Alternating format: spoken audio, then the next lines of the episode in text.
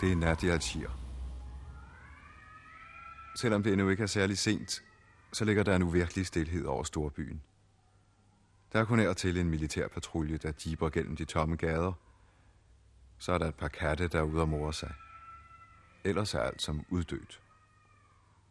Silence de couvre-feu. Mørklægningens tavshed kalder man det her. Selvom alle byens lygter er tændt. Det er udgangsforbudets knugende stilhed, man mener. Og dog er der i samme nat og i samme stund tusinder af kvinder, mænd og børn, der hujer, skriger og råber sig hæse i det fjerne.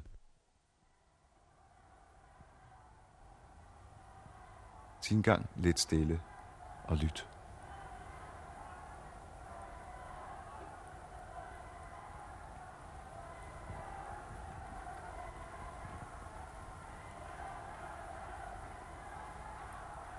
Kan de høre det? Det er araberne oppe i deres bydel Kasbagen, der råber i natten. Og natten igennem. Det lyder kun svagt på denne afstand, men mikrofonen kan ikke komme nærmere. For når mørket falder på, bliver Kasbagen lukket ind i en ring af spanske ryttere, maskingeværer og lette panservogne.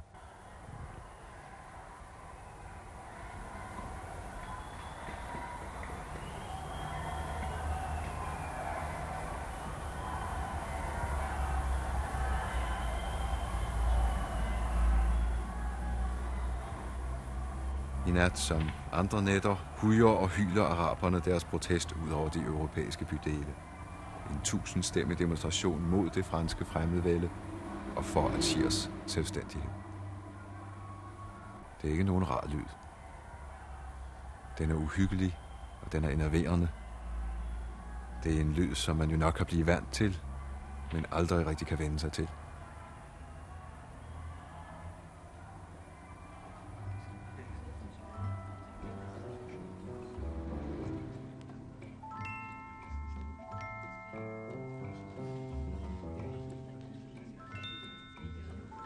Det er nat i Algier, og det er stadig ikke sent på aftenen. Udgangsforbuddet er trådt i kraft for en time siden, og alle hotellets europæiske gæster er nået hjem i tide. Bartenderen her og tjenerne ovenpå serverer stilfærdigt og lydløst kaffe og cognac, longdrinks og dansk øl. Nu er de holdt op med at se på klokken. Aftenen er trukket lidt ud, og de kan ikke mere nå hjem til deres araberkvarterer. Gæsterne, ja, de fleste af dem, er franske officerer, der bor sammen med deres koner her på hotellet. Men det er kun om aftenen, de kan hygge sig lidt sammen. Om dagen er mændene på kasernen eller på inspektion i de mange forlægninger rundt om i landet.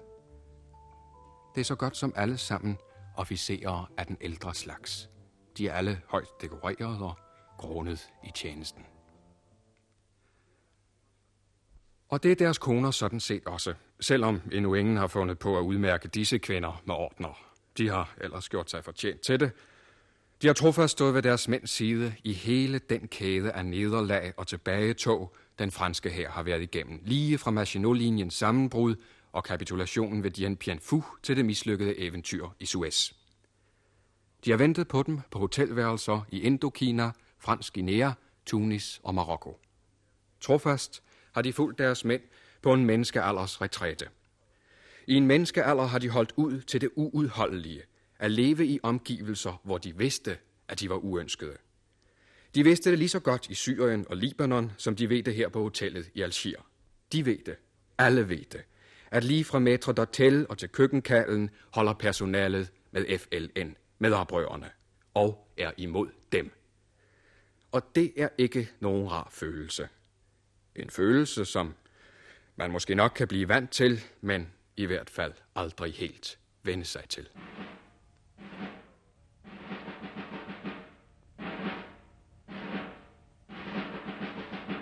قسما بالنافلة الماحقات والدماء الزكية Det er de algierske oprørstyrkers sang. Vi sværger ved de ødelæggende granater, ved vores martyrs rene blod. Vi sværger ved vores faner, der vejer fra stolte og vilde bjerge. Vi sværger, at Algier skal leve frit og uafhængigt. Og Frankrig opgør os time er kommet. Bladet er vendt.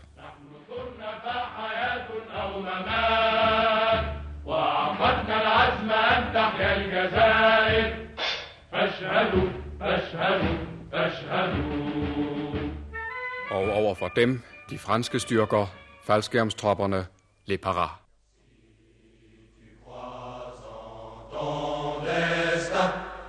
Hvis du tror på din skæbne.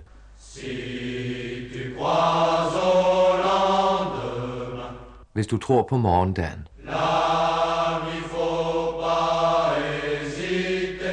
Ven, der er der ingen grund til tøven. Tag din faldskærm på og spring.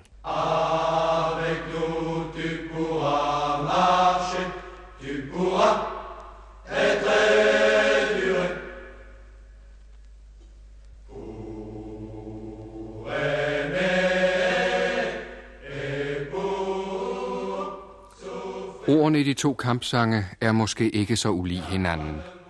Men den appel, de har, er i dag højst forskellig. Den franske nation står ikke så lidt splittet i sit syn på krigen i Algier. I hvert fald betydeligt mere end den arabiske befolkning.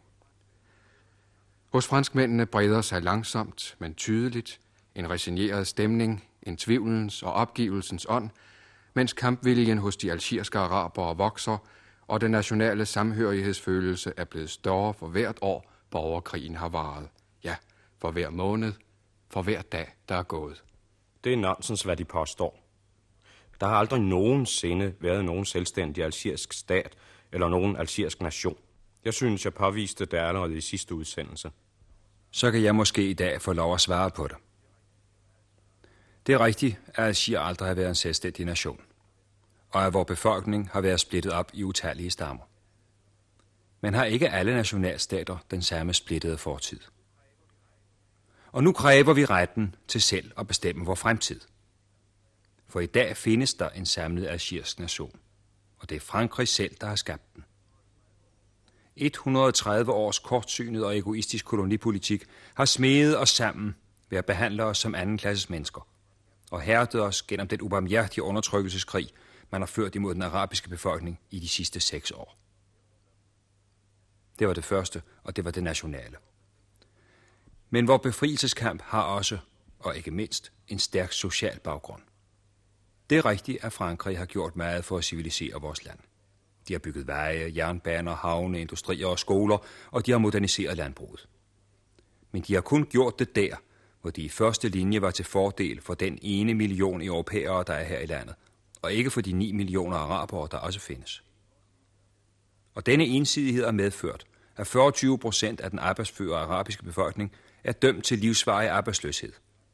At 90 procent ikke kan læse og skrive, og at gennemsnitsindtægten for den ene million europæere er ca. 6.000 om året, men kun 700 kroner om året for de 9 millioner arabere, hvis man da tager dem under et.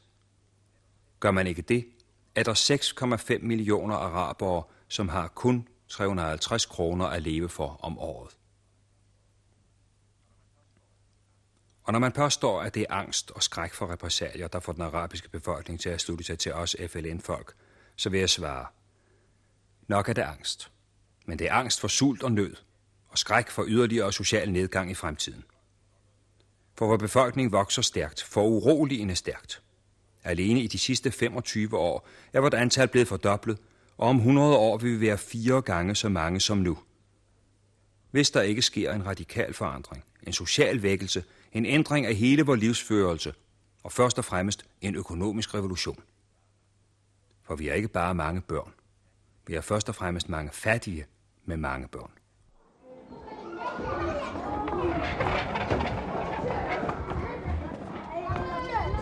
Vi er i en lille landsby langt ude på det åbne land, vil man nok sige i Danmark.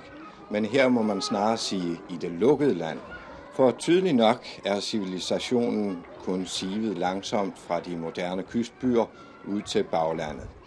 Efter husenes antal og regne er vi i en lille landsby, efter menneskemængden i en større stationsby, og efter markernes størrelse og dømme i en kolonihave. Ja, det er lidt underdrevet, det ved jeg godt, Men at betegne de her små jordlodder som landbrugsarealer er helt hen i vejret.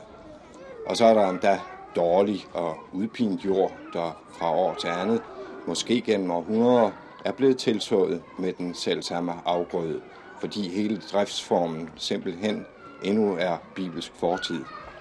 Og landbrugsmekanisering er ikke kommet længere end til håndhakker og træplove. Og hvad befolkningens livsførelse angår, tja, Alors vous allez voir une, une maison qui est typiquement kabyle. Un intérieur kabyle. Vi skal ind og se et rigtig typisk uh, kabylerhus. Udenpå der er der af, af rå sten og en smule cement imellem. Og her er en stor stue uden vinduer. Taget er af flettet strå, og uh, her bor både dyr og mennesker sammen. Her ved siden af os har vi tre små køer med deres kryber foran, og på den anden side er familien samlet. Ovenover køerne er der et lille høloft. Hvis døren er lukket, så er her næsten fuldkommen mørkt herinde. Der bor to familier sammen, og de er i alt fem personer. Øh, Der er åbenbart en mere i familien, men som ikke er her i landsbyen i øjeblikket.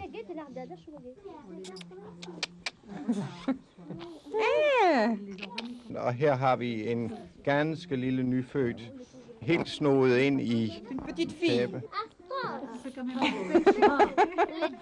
Hey Og vuggen, den hænger op under loftet, spændt fast i taget med et par lange tove. Møbler er der selvfølgelig ikke nogen af. Det kunne være rart at vide, hvordan de bærer sig ad med at spise. Pour manger. Alors ils mangent par terre. Ils mangent par terre. Tout par terre avec les hommes, les enfants. euh, tout mange par terre. Un panier avec, euh, avec les mains, avec les doigts. Sauf le couscous, ils mangent avec une cuillère. Man sætter sig simpelthen ned på gulvet, og så spiser man med hænderne direkte, direkte af øh, de gryder eller pander, man har lavet maden i. I hjørnet her står der, qu'est-ce que c'est dans le coin? Ici c'est le où ils mettent le blé, la semoule pour l'hiver. Der står to meget store beholdere af brændt ler. Der kommer man kornet i om vinteren. Det er vinterforrådet. Alors ici vous voyez là, le trou c'est où ils font le feu. On appelle ça le canoun. Og midt på gulvet er der et rundt hul. Det er der, hvor man tænder ilden. Man har kun øh, det lille fyr i hele huset. Dels til at varme op, når det er koldt, og dels til at lave mad over. Og her står øh, en lille kiste, og der har de deres ting i. Man kan se, det er ikke nogen rig familie, for den er ikke særlig stor. Og hvis de skal have, alle fem mennesker skal have deres ting i den, så kan der ikke være meget, hver enkelt har. Et ça, c'est des genres d'huile. C'est pour mettre l'huile. C'est pour mettre l'huile. Her står også et par store lærkrukker, som man kommer olivenolien i. Her er man i temmelig høj grad selvforsynende. Øh, den krukke olie, man har der, den bruger man til de fleste af måltiderne. Man spiser det sammen med brødet, man spiser det sammen med fien og- og galet og hvad man nu ellers lever af. Og ovenover os på en snor hænger en hel del øh, forskellige ting. Der er nærmest sækkelæret, og der er også lidt finere tæpper imellem. Og det er det, som man sover på om natten. Man lægger det simpelthen ud på det stampede lergulv, og så sover man der.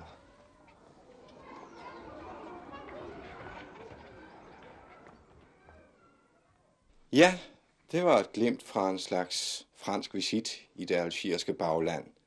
Vi vil nøjes med det, fordi det alligevel er umuligt at beskrive, hvor fattig virkelig fattigdom kan være. Men måske siger det dem noget, at der findes, hvad skal vi kalde dem, en slags andelsselskaber, hvor to-tre familier er fælles om et oliventræ eller et fintræ. Og det siger måske noget, at de forhold, vi her har skildret, ikke er nogen enestående undtagelse. Tværtimod. Ifølge statistikken lever endda to tredjedel af den arabiske befolkning under lignende vilkår. Og så forstår man måske også, at det oprør, der brød ud i 1954, kaldes en bonderejsning, og krigen for en bondekrig. og oprørstyrkerne for størsteparten kaldes felagas, og det vil sige bondesoldater. Og man vil forstå det svar, en fransk kaptajn gav os, da vi undrede os over, at vi kun havde set børn, kvinder og oldinge i landsbyen, men ingen mænd. Svaret lød, mændene er felagas, de er over på den anden side. Ja, jeg ved, at det er nemt at være bagklog, men det er alligevel svært at forstå, at oprøret kunne komme som en fuldstændig overraskelse. Da det brød ud i 1954, natten til den 1. november kl. 3, tog det bogstaveligt talt dem alle sammen på sengen. Kolonisterne, det franske militær og politikerne i Paris. Alle sammen var de bestyrtede og rådvilde. Jamen, kolonisterne må være undskyldt. For dem måtte det hele komme bag på. De har aldrig troet, at leraton som de kalder araberne, kunne blive enige om noget som helst. End sige organisere noget. Derfor kunne de kun finde én forklaring på mysteriet. Det måtte og kunne kun være kommunistiske agenters værk. Jamen, også det franske militær må være undskyldt. Efter straffeekspeditionens massakre i Setif, maj 1945, havde man haft held til at slå alle småoprør ned. Derfor regnede man heller ikke den nye opstand for noget videre. Men efterhånden som militæret måtte sande, det måske alligevel drejede sig om en planlagt og velorganiseret opstand, den brød ud på klokkeslættet 3 om natten på 50 forskellige punkter fordelt over hele landet, så søgte man efter en forklaring og fandt den. Det måtte være den panarabiske Nassers værk. Jamen, så må også politikerne være undskyldt. De regner ganske vist ikke araberne for evneløse rotter, og anser derfor heller ikke forklaringen med Nasser og kommunisterne for hele sandheden. Men det, de blev overrasket og forfærdet over, det var tidspunktet for udbruddet af opstanden. Det var valgt med en djævelsk snedighed, der røbede stor politisk sans. Netop på det tidspunkt må den opstand ramme Frankrig særlig hårdt. Det var lige lykkedes med France at få bragt den opslidende og uhyre kostbare krig i Indokina til ophør. Der var god udsigt til at opnå en acceptabel løsning på den væbnede konflikt med Tunis, der også kostede dyrt, og et lignende håb skimtedes i det krigeriske forhold til Marokko. Der var altså tegn i sol og måne til, at der nu ville blive ro og fred og penge til at gøre noget godt og liberalt for Algier. Og man ikke lige frem ved at tilstå algierne den ret, som man gang på gang havde givet mere eller mindre vage løfter om, lige fra den første verdenskrig og til underskrivelsen af Atlanterhavsdeklarationen, nemlig folkenes selvbestemmelsesret. Det kunne der ikke være tale om. Men rige løfter om forbedrede kår, løfter om store sociale reformer, løfter om iværksættelse af store offentlige arbejder og løfter om en ny og retfærdig og jordfordeling, og så naturligvis løfter til militæret om forstærkninger til de franske tropper i Algier. Ja, usle løfter om et kontingent på 20.000 mand. Jamen, det løfte blev dog indfriet, og desuden 20.000 mand plus de tropper, der i forvejen er stationeret i Algier. Det bliver 40-50 veludrustede franske soldater for hver sølle fællaga. Det er vist noget, de ingen forstand har på. Vi må sprede os ud over hele landet, hvis vi vil holde den arabiske befolkning i skak. Det passer ikke. Hovedparten af araberne var ikke venlig stemt over for oprørerne. De blev lige så overraskede som alle andre, og de blev lige så forfærdet over den voldsomhed, de lovløse, som de dengang kaldtes, for frem med. De blev knottende, da de skulle betale skat til FLN, men de blev bestyrtet over de frygtelige repressalier mod dem, der ikke ville betale eller var franskvenlige, eller på anden måde ikke ville makke ret. De opsætsige fik i første omgang en advarsel, og i anden omgang fik de halsen skåret over. Og det er sket mere end en gang, at den uvillige landsby vågnede op og fandt torvet dekoreret med en pæn række på både 10 og 20 håndflettede kurve, der hver især indeholdt et hoved. Nej, tilslutningen er først kommet efterhånden, lidt efter lidt, som det blev klart, at det franske militær ikke kunne klare sig mod oprørstyrkerne, og at alle de gode løfter om reformer aldrig bliver til noget. Og imens går årene 1954, 1955 og det meste af 1956. Oprørsbevægelsen vinder større og større tilslutning, både i Algier og i hele den arabiske verden. Befolkningen er begyndt mere og mere at samarbejde med oprørerne, spionere for dem, skjule dem og gemme deres våben. og araberbørnene klapper nu i hænderne, når de hører ambulancerne tude.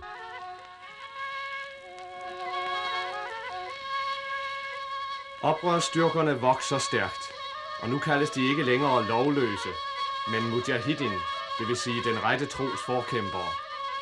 For hver uskyldig, der bliver dræbt, opstår der nu 10 nye partisaner. Trods de store tab er oprørernes antal vokset fra 1.000 mand til 30.000.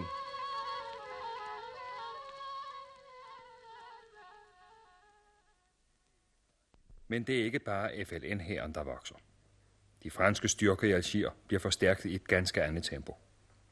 Ved afslutningen af 1954 var der 76.000 franske soldater i Algier, men i 1955 allerede 170.000, og kun et år senere næsten en halv million. Den franske nations store sår, som de Lamartine kaldte Algier-problemet, vil ikke læges. Regeringerne falder på stribe. Regeringen Mendes France bliver forkastet til fordel for Edgar Faure, Edgar Faure til fordel for Guy Og det samme gælder de kommanderende generaler, også de falder en efter en i forsøget på at brænde det væskende sår ud. Og endnu værre går det med de franske guvernører i Algier. Først Jacques Soustelle, som er den liberale Mendes France, bliver sendt ned for at skabe reformer og ro. Han bliver modtaget med voldsomme protestråb og rådne tomater af en enig front af europæiske kolonister, men da han bliver udskiftet, bliver han fuldt til dørs med endeløs hyldest af den samme enige front, forstærket med adskillige af hærens officerer. Er der noget mærkeligt i det? Der er vel ingen officerer, der godvilligt lader sig selv eller mandskabet udlevere til arabernes slagteknive af udulige regeringer. Mange franske liv ville være blevet sparet, hvis vi havde fået lov til at slå til mod oprørets Arnested. Og Arnested, det er Ægypten. Det er Panarabien, det gælder. Det er hverken Ferhat Abbas eller Ben Bella, der er de egentlige bagmænd. Men Nasser, kun Nasser. Men der tør politikerne ikke. Jo, de tør. Ministerpræsident Guy tør. Om sider. Krigen må bringes til afslutning. Den rider efterhånden Frankrig som en mare og truer med at underminere den fjerde republiks demokratiske fundament. Der må handles. Gimolet er socialist og overbevist om, at oprør og algiersk format ikke effektivt kan pacificeres med maskinpistoler og tanks. Det må bekæmpes med vidtgående nationale og sociale reformer. Og han afskediger Sustelle og udnævner general Catrou til guvernør, en general, der allerede ved udsoningen mellem Frankrig og Marokko har spillet en afgørende rolle. Hvorvidt dette guvernørskifte og Gimolets store reformplaner i øvrigt gør indtryk på araberne, vides ikke. Nej, for alt drukner i europæernes ramaskrig.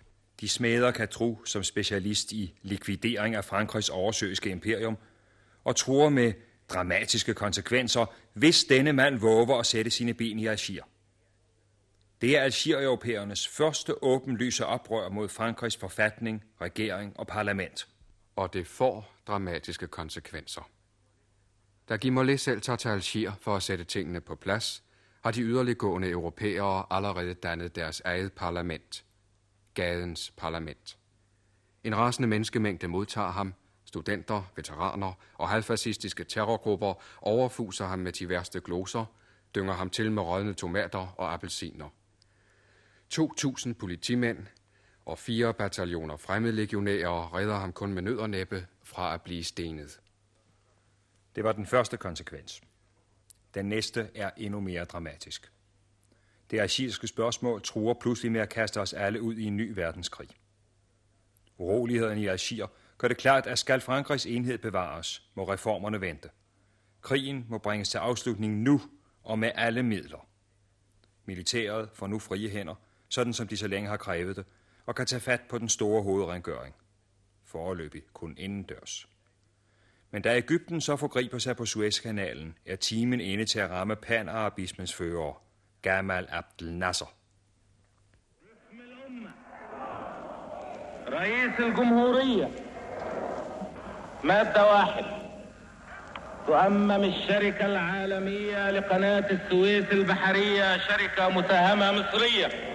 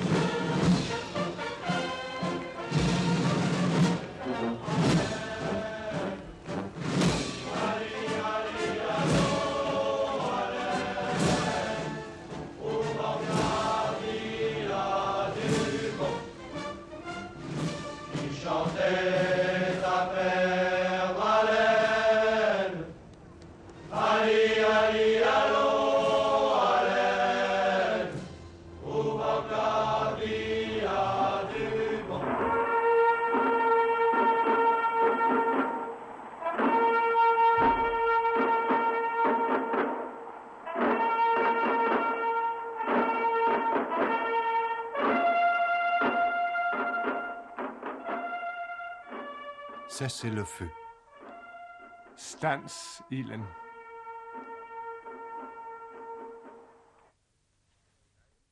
Nej, heller ikke denne gang kan den franske armé fuldføre sin opgave.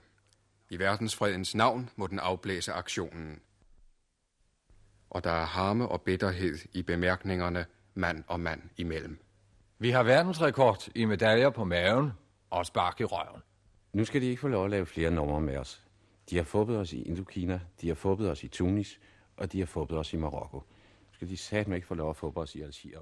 Nej, nu skal der ikke laves flere numre.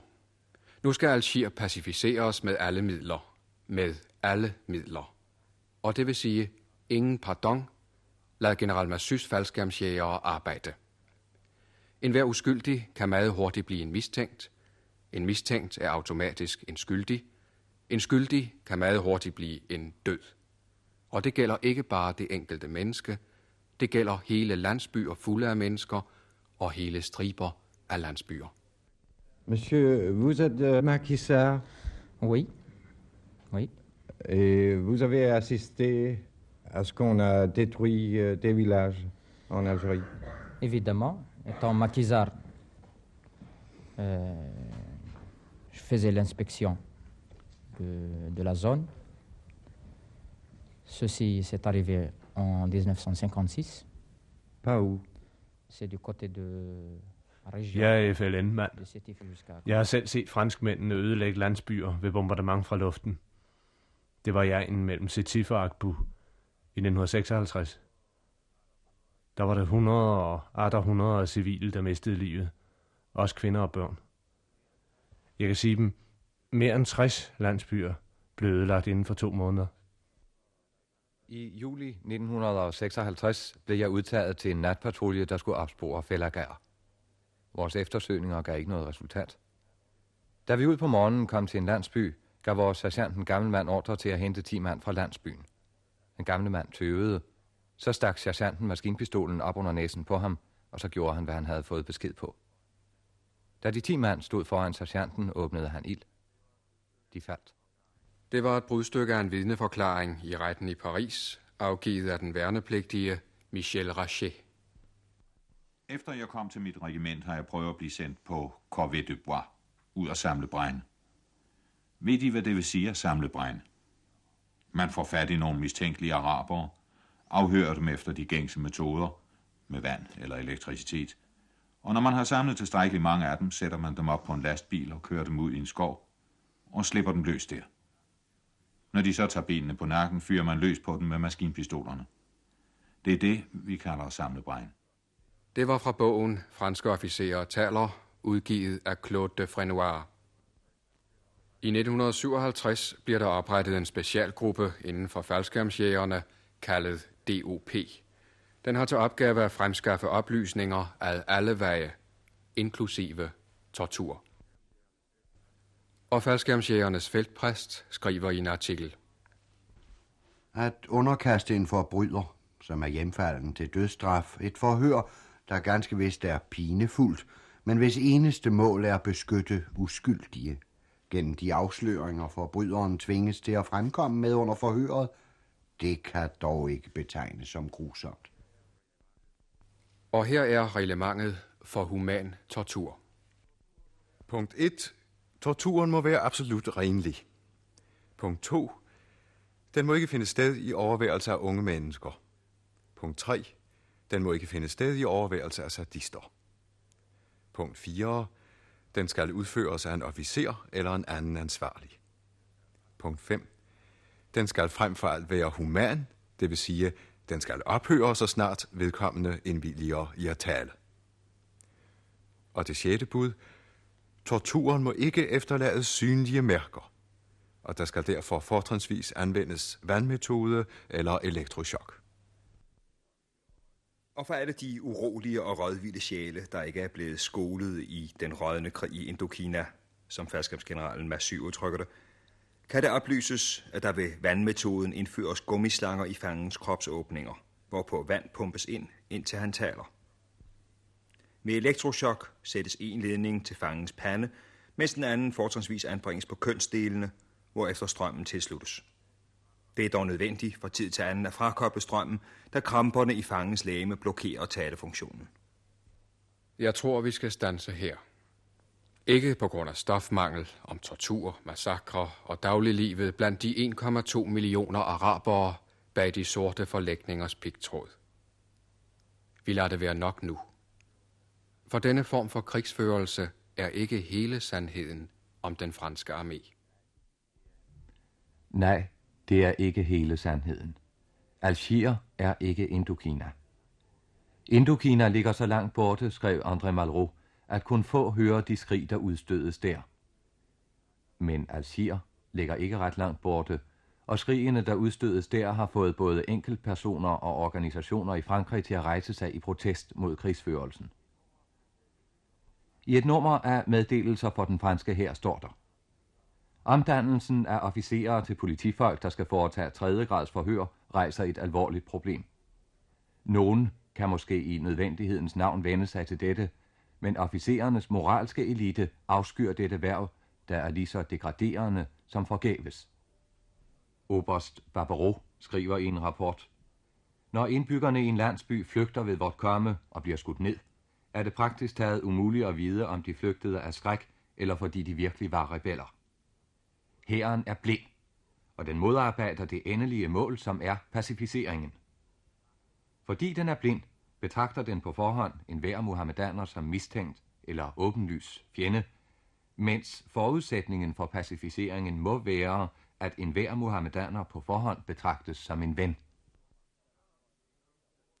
Og der er officerer, der nu gør en indsats for, at hæren skal overvinde sin blindhed, genfinde kontakten med den muhammedanske befolkning. General de Boladier vil inddrage hæren i selve det opbyggende arbejde. Dens indsats skal ikke kun bestå i at ødelægge rebellernes organisation, den skal også skaffe arbejde til befolkningen. De gamle autoriteter er uhjælpeligt kompromitteret i muhammedanernes øjne. Men at lade hæren i gang sætte storstilede anlægsarbejder og gøre en indsats på sociale og humanitære områder, det vil kunne bibringe den muhammedanske befolkning ligefrem et psykologisk chok. Pludselig vil hæren ikke blot stå som magtens repræsentant, men også som velstandens, arbejdets og fredens. Og general Bouladier går i gang. Soldaterne i hans region får nu lejlighed til at udfolde alle deres civile færdigheder, som vejbygningsteknikere, som læger, forstmænd, ingeniører. Så kommer forsvarsminister Max Lejeune på inspektion. General Bouladier, dette arbejde er ikke herrens opgave. Det er ikke herren værdigt, og ikke dem værdigt, herr general. Qu'as-tu trouvé dans ton sabot Moi, j'ai trouvé un vieux gros loup. Moi, j'ai trouvé une sonnette, un talaririrette. Qu'as-tu trouvé dans ton sabot Moi, j'ai trouvé un vieux gros loup. Så er vi igen ude på landet, ude i en afsides militærforlægning. Ligesom alle de andre forlægninger er også den her fuldstændig spundet ind i pigtråd og sikret med skydetårne til alle sider. Når mørket falder på, er hele indhegningen badet i et hav af projektørlys. Men nu i øjeblikket er det fuldt dagslys, og vi er i en skolestue, hvor små araberdrenge undervises i alfabetismens svære kunst. Un taxi qui a tué le coq de Max qui et qui a Casser une patte à Fox.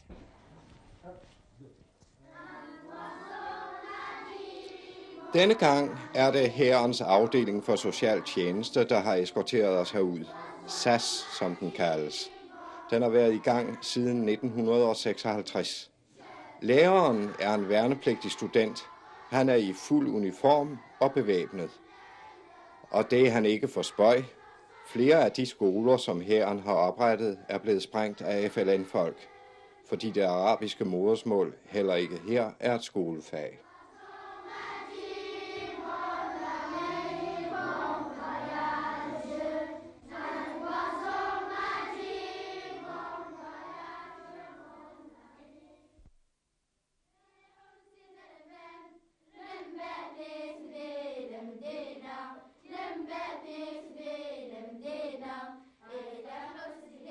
Vi er stadig ude med herrens socialtjeneste, og nu er vi i en egen, som mest er beboet af berbere.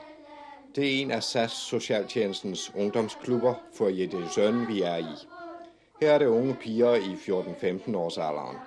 Men de er allerede hårdt prøvet og bliver fuldstændig redselslagende, når vi holder mikrofonen frem imod dem.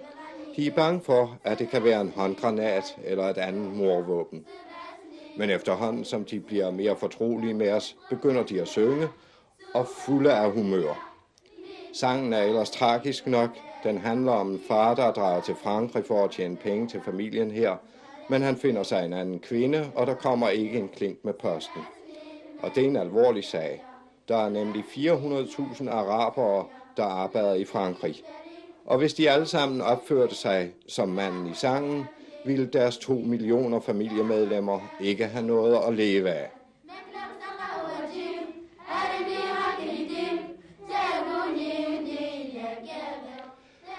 De piger her lærer at strikke og sy, personlig hygiejne og ikke mindst spædbarnspleje. Og det er meget vigtigt, at de lærer det nu. For selvom de kun er 14-15 år og overraskende udviklet som kvinder, så er dog de fleste af dem gift inden længe, måske om et, måske om to år. Og når en araberkvinde først er gift, så er det for sent at lære noget. For til den tid kommer hun kun uden for hjemmets grænser for at arbejde eller for at hente vand. Det var lidt af den anden side af den franske hærs indsats. Og det er ikke alt. Hærens lægekorps har en stadig større gratis praksis i den arabiske befolkning. Hærens kvindelige medhjælpere tager uforfærdet ud til de mest afsidede steder for at arbejde som socialrådgivere, sundhedsplejersker og lærerinder på samme tid. SAS, Hærens Sociale Hjælpetjeneste, er en organisation, der medfører vaccinationssprøjten ved siden af maskinpistolen, skolens pegepind ved siden af bazookaen og stetoskopet i stedet for torturens vandslanger. Og dette arbejde er stadig blevet udbygget siden 1956, og har navnlig efter 1958 fundet mere og mere forståelse blandt de ledende franske officerer. Nok mest efter de historiske begivenheder den 13. maj 1958. Algier, 13. maj 1958. Ici Radio Algérie.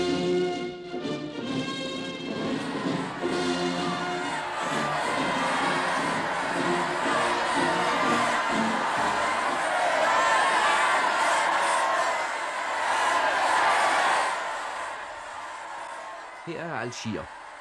Fra tidlig i morges er befolkningen gennem radioen blevet opfordret til at møde op til massedemonstrationer. Og fra nær og fjern er europæere og arabere strømmet til og stemlet sammen på den store plads foran den franske regeringsbygning. Det er et menneskehav og menneskemøller uden lige. Ikke bare arabere og kolonister, men også mange soldater og officerer. Smilende faldskærmsjægere uden maskinpistoler går arm i arm med arabere og utallige transparenter føres med i optoget. Ned med regeringen står der, ned med Flimland, ned med den fjerde republik. Og så de Gaulle til magten. De Gaulle til magten står der igen og igen. Dette her er mere end en demonstration, det er et lyslevende oprør. En algerisk revolte mod det franske moderland. Og hæren og de franske embedsmænd forholder sig ikke passive.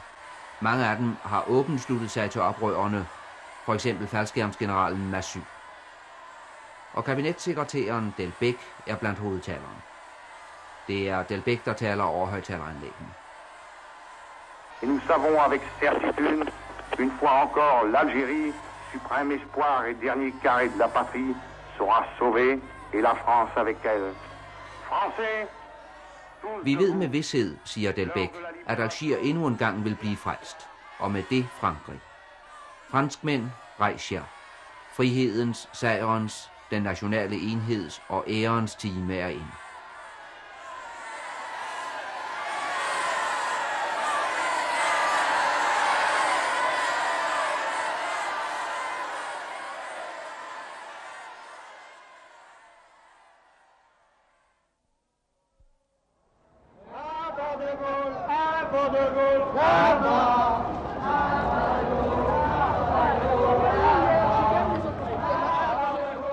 I Paris til gengæld lyder der alt andet end jubel. Demonstrationer og moddemonstrationer afløser hinanden. Den ene drager gennem arbejderkvartererne og synger og råber om Bas de Gaulle, ned med de Gaulle.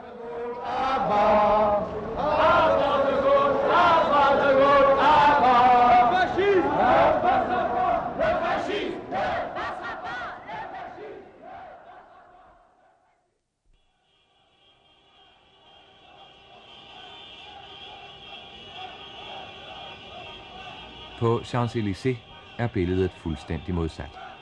Der går til magten, råbes der og truttes med bilhorn.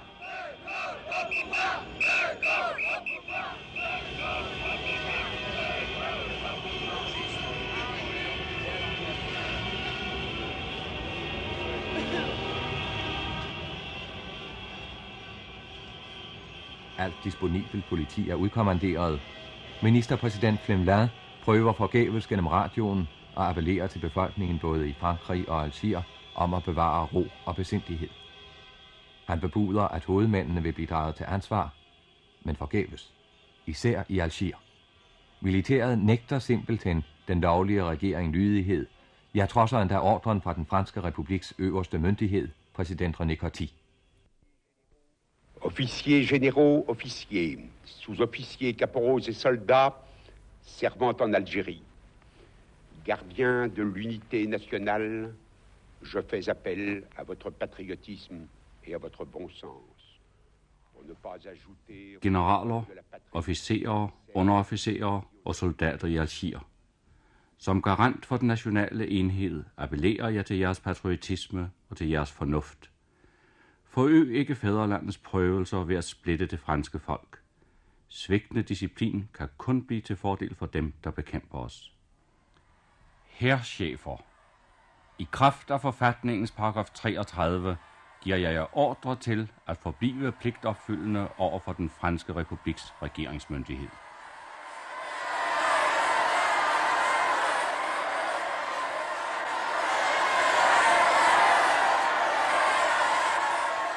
Det er nytteløst alt sammen. Præsidentens ord fra Frankrig kan knap trænge igennem den jubel, der vokser fra dag til dag. Og vi har ganske andre nyheder her. Ici, Radio Algérie. Monsieur Jacques Soustel vient d'arriver à Maison Blanche. Il sera dans quelques instants à Alger. Der er lige nu kommet meddelelse om, at Sustel, Jacques Sustel, de Gaulle's højre hånd og tidligere guvernør er ankommet til Algier. Han er undsluppet husarresten i Paris, og han er nu kommet for at tale til det algierske folk. Algérienne Algérienne Algériens Mes amis Me voici parmi vous. Je veux d'abord rendre hommage à notre magnifique armée d'Algérie. Algier, mine venner, her er jeg blandt jer. Jeg vil først udtrykke min respekt over for vores strålende her. Aux jeunes soldats qui sont venus combattre sur ce sol, je veux rendre hommage à ses chefs et d'abord au général Salan. Min respekt for de genindkaldte, for de unge soldater. Min respekt for herrens chefer, først og fremmest general Salan. Maintenir l'unité de toute l'armée ici en terre d'Afrique. Au général Massu, à tous les chefs. Min respekt over for general Massu og alle denne her chefer. le 2 février 1956, quand je vous ai quitté, j'ai promis de consacrer désormais toutes mes forces au salut de l'Algérie. Da jeg forlod jer, lovede jeg, at jeg ville sætte alt ind for Algiers velfærd.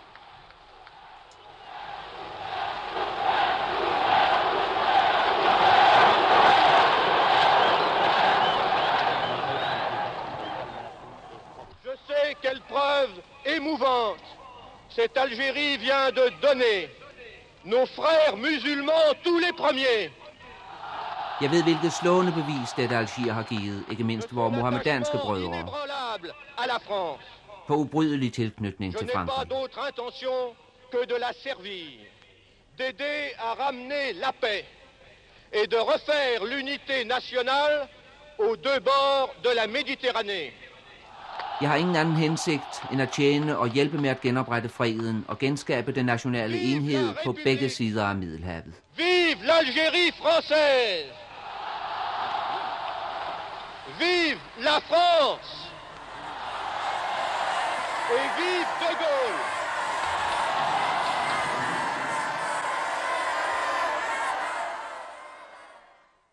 Ja, leve de Gaulle, leve de Gaulle. Leve Frankrigs redningsmand, råber massen i dagvis, i ugevis. Og det er simpelthen ikke til at forstå, at den samme menneskemasse kun 20 måneder efter kan råbe lige så hysterisk ned med det gulv og til galgen med forræderen. Nemlig ved barrikadeopstanden den 24. januar 1960, blodsøndagen, som den hedder i Algier. Det vil sige, helt den samme masse er det nu ikke, der råber, der er ikke længere araber imellem. Og militæret, tja, det ser til med gevær ved fod. Dette brætte omsving er det største politiske helt omkring, der er udført i dette århundrede. Det har lammet kolonisterne. Det har bragt araberne i vildrede og slået selv velmeriterede Algier-eksperter med forbavselse.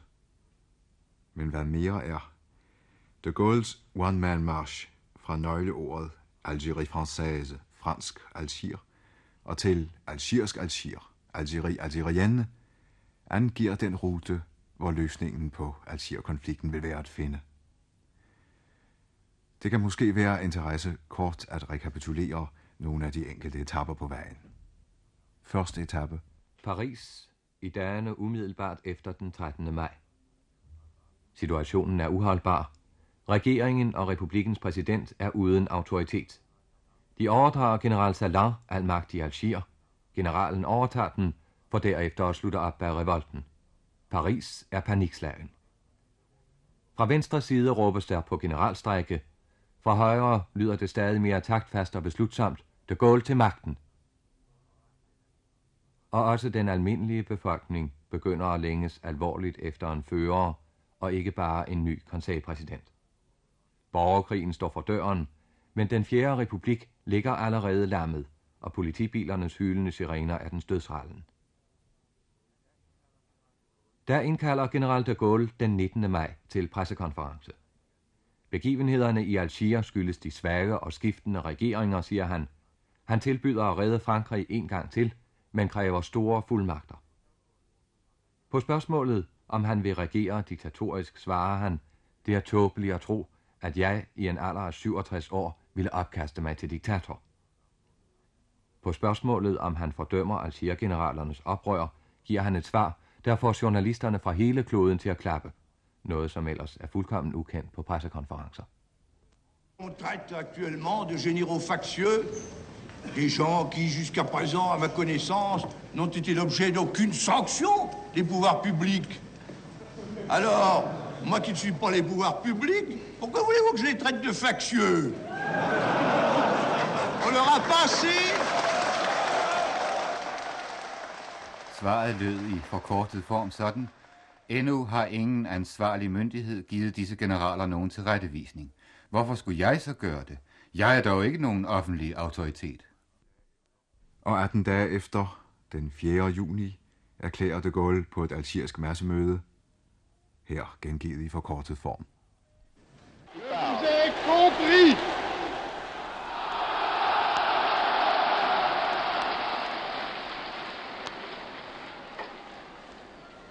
Je sais ce qui s'est passé ici. Eh bien, de tout cela, je prends acte au nom de la France. Et je déclare Ja, jeg har forstået jer, og jeg ved, hvad der er sket.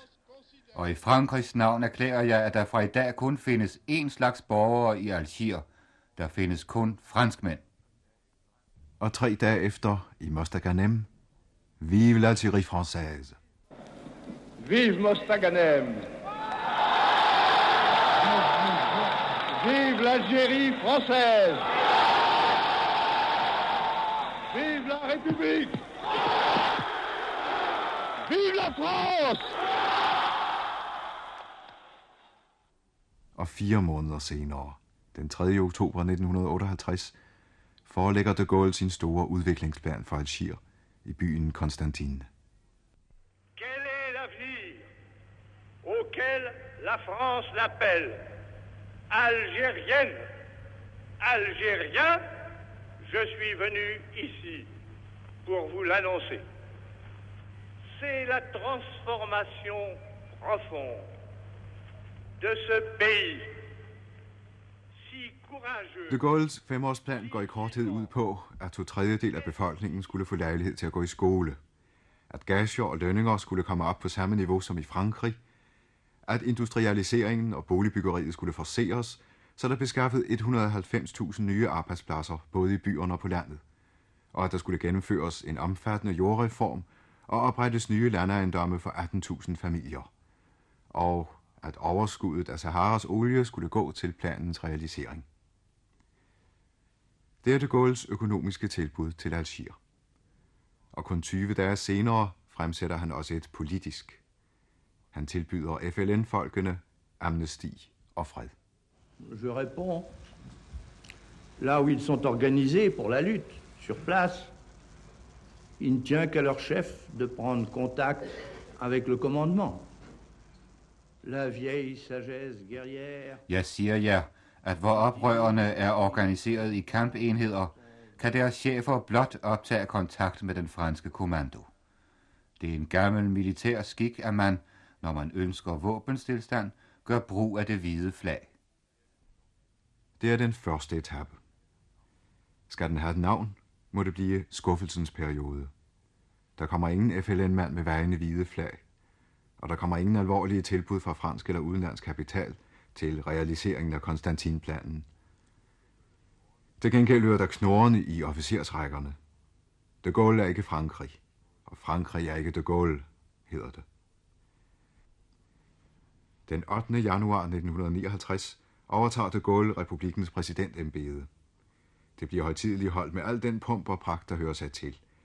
Men al festivitassen kan ikke overdøve den alvor og den trussel og muligheden for politisk kursændring, der ligger i hans tiltrædelsestale. L'intérêt national dans la nation, l'intérêt commun dans la communauté. Voilà ce que maintenant, tout comme hier, j'ai le devoir de représenter, jeg skal nu, som tidligere, repræsentere nationens interesser og samfundets tarv. Det er, hvad jeg først og fremmest står for. Ja, hvad jeg selv må gennemtvinge, hvis landets vel kræver det. Med denne tale begynder den anden etape. Algiers afkolonisering. Seks måneder senere, den 16. september 1959, fremsætter han en udtalelse, der udløser et lettelsens suk i Frankrig, som i resten af verden. Men hos kolonisterne vækker bestyrtelse, og hos araberne den største mistænksomhed. Compte tenu de toutes les données algériennes, nationales, internationales du problème, je considère comme nécessaire que ce recours à l'autodétermination soit proclamé aujourd'hui. På baggrund af de problemer, der knytter sig til det algeriske spørgsmål, rent algeriske, nationale og internationale, anser jeg det for nødvendigt i dag at proklamere Algiers selvbestemmelsesret. Ordet Algiers selvbestemmelsesret er faldet. Det er det ord, der får verden til at fatte nyt håb. Og det som får Algier-franskmændene til endnu en gang at prøve gennem åbent oprør at diktere Frankrig sin politik. For de samme folk, der den 13. maj pludselig og på stedet gjorde sig til arabernes brødre, kunne lige så pludseligt ikke begribe, at nogen kunne gå så langt som til at give Le Raton selvbestemmelsesret. Og den 24. januar bryder barrikadeopstanden ud. Og den har alle betingelser for at få et heldigt forløb. De er endda bedre end den 13. maj. Dengang havde armeen kun ville støtte en demonstration, men denne gang er den parat til bevidst at gennemføre et regulært statskup. Og alligevel brød den jammerligt sammen. Den havde ingen ny de Gaulle. Ingen mand af hans format at løfte op til magten. Si j'ai revêtu l'uniforme pour parler aujourd'hui à la télévision, c'est pour marquer que je le fais comme étant le général de Gaulle aussi bien que le chef de l'État. Når jeg i dag har iklædt mig i min uniform for at tale i fjernsynet, er det for at gøre det klart, at jeg taler såvel i egenskab af general de Gaulle, som i egenskab af statschef. Ingen soldat må på noget tidspunkt tage del i oprøret, end ikke passivt. Den offentlige orden må genoprettes. Det er den ordre, jeg har givet, er.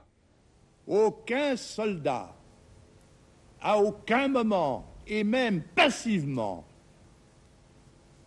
ne doit s'associer à la rébellion. En fin de compte, l'ordre public devra être rétabli.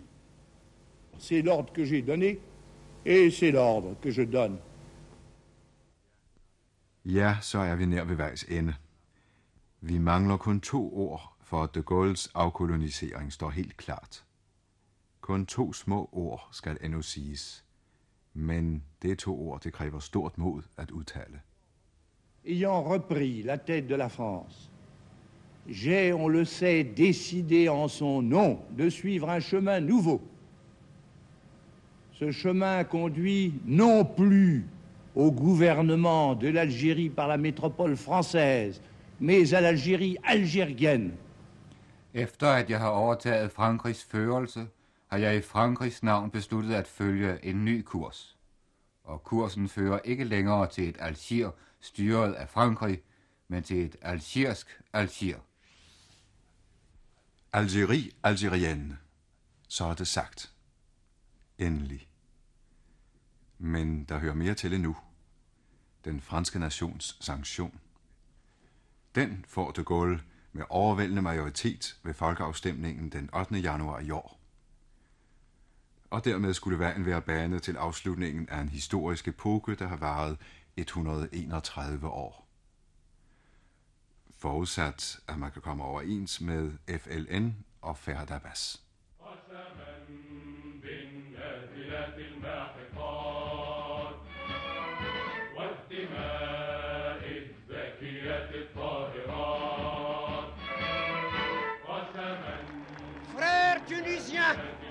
Depuis six ans, le peuple algérien combat, meurt et lutte pour son indépendance. Brødre, i seks år har det algeriske folk kæmpet, stridt og offret livet for sin selvstændighed. Og denne krig er vi besluttet på at føre igennem til den endelige afslutning. Denne krig er ikke bare algiernes krig, den er hele Maghrebs, hele Nordafrikas krig. Naturligvis forudsat, at der kan opnås enighed med Ferhat Abbas og det algeriske folk. Først da vil de onde, de blodige år være til ende. Men jeg står her med endnu et rystende dokument i hånden. Det er et udkast til et lovforslag. Og det går ud på, at Algier anerkendes som selvstændig republik inden for den franske union. Republikken Algier skal have udenrigspolitik og forsvar fælles med Frankrig. Lovforslaget erklærer, at alle franskmænd i Algier og algier i Frankrig skal sikres samme rettigheder som landenes egne borgere. Det fastslår, at både fransk og arabisk skal være landets officielle sprog. Og det betinger, at ekspropriation kun kan foretages, hvor almenvældet kræver det, og kun mod rimelig erstatning. Det dokument er rystende, fordi det er det lovforslag, Ferhat Abbas forelagde den franske nationalforsamling i 1946, otte år før den ulyksalige krig udbrød, og foreløbig 15 år før den har fundet sin løsning. En løsning, der næppe bliver lige så favorabel for Frankrig i dag.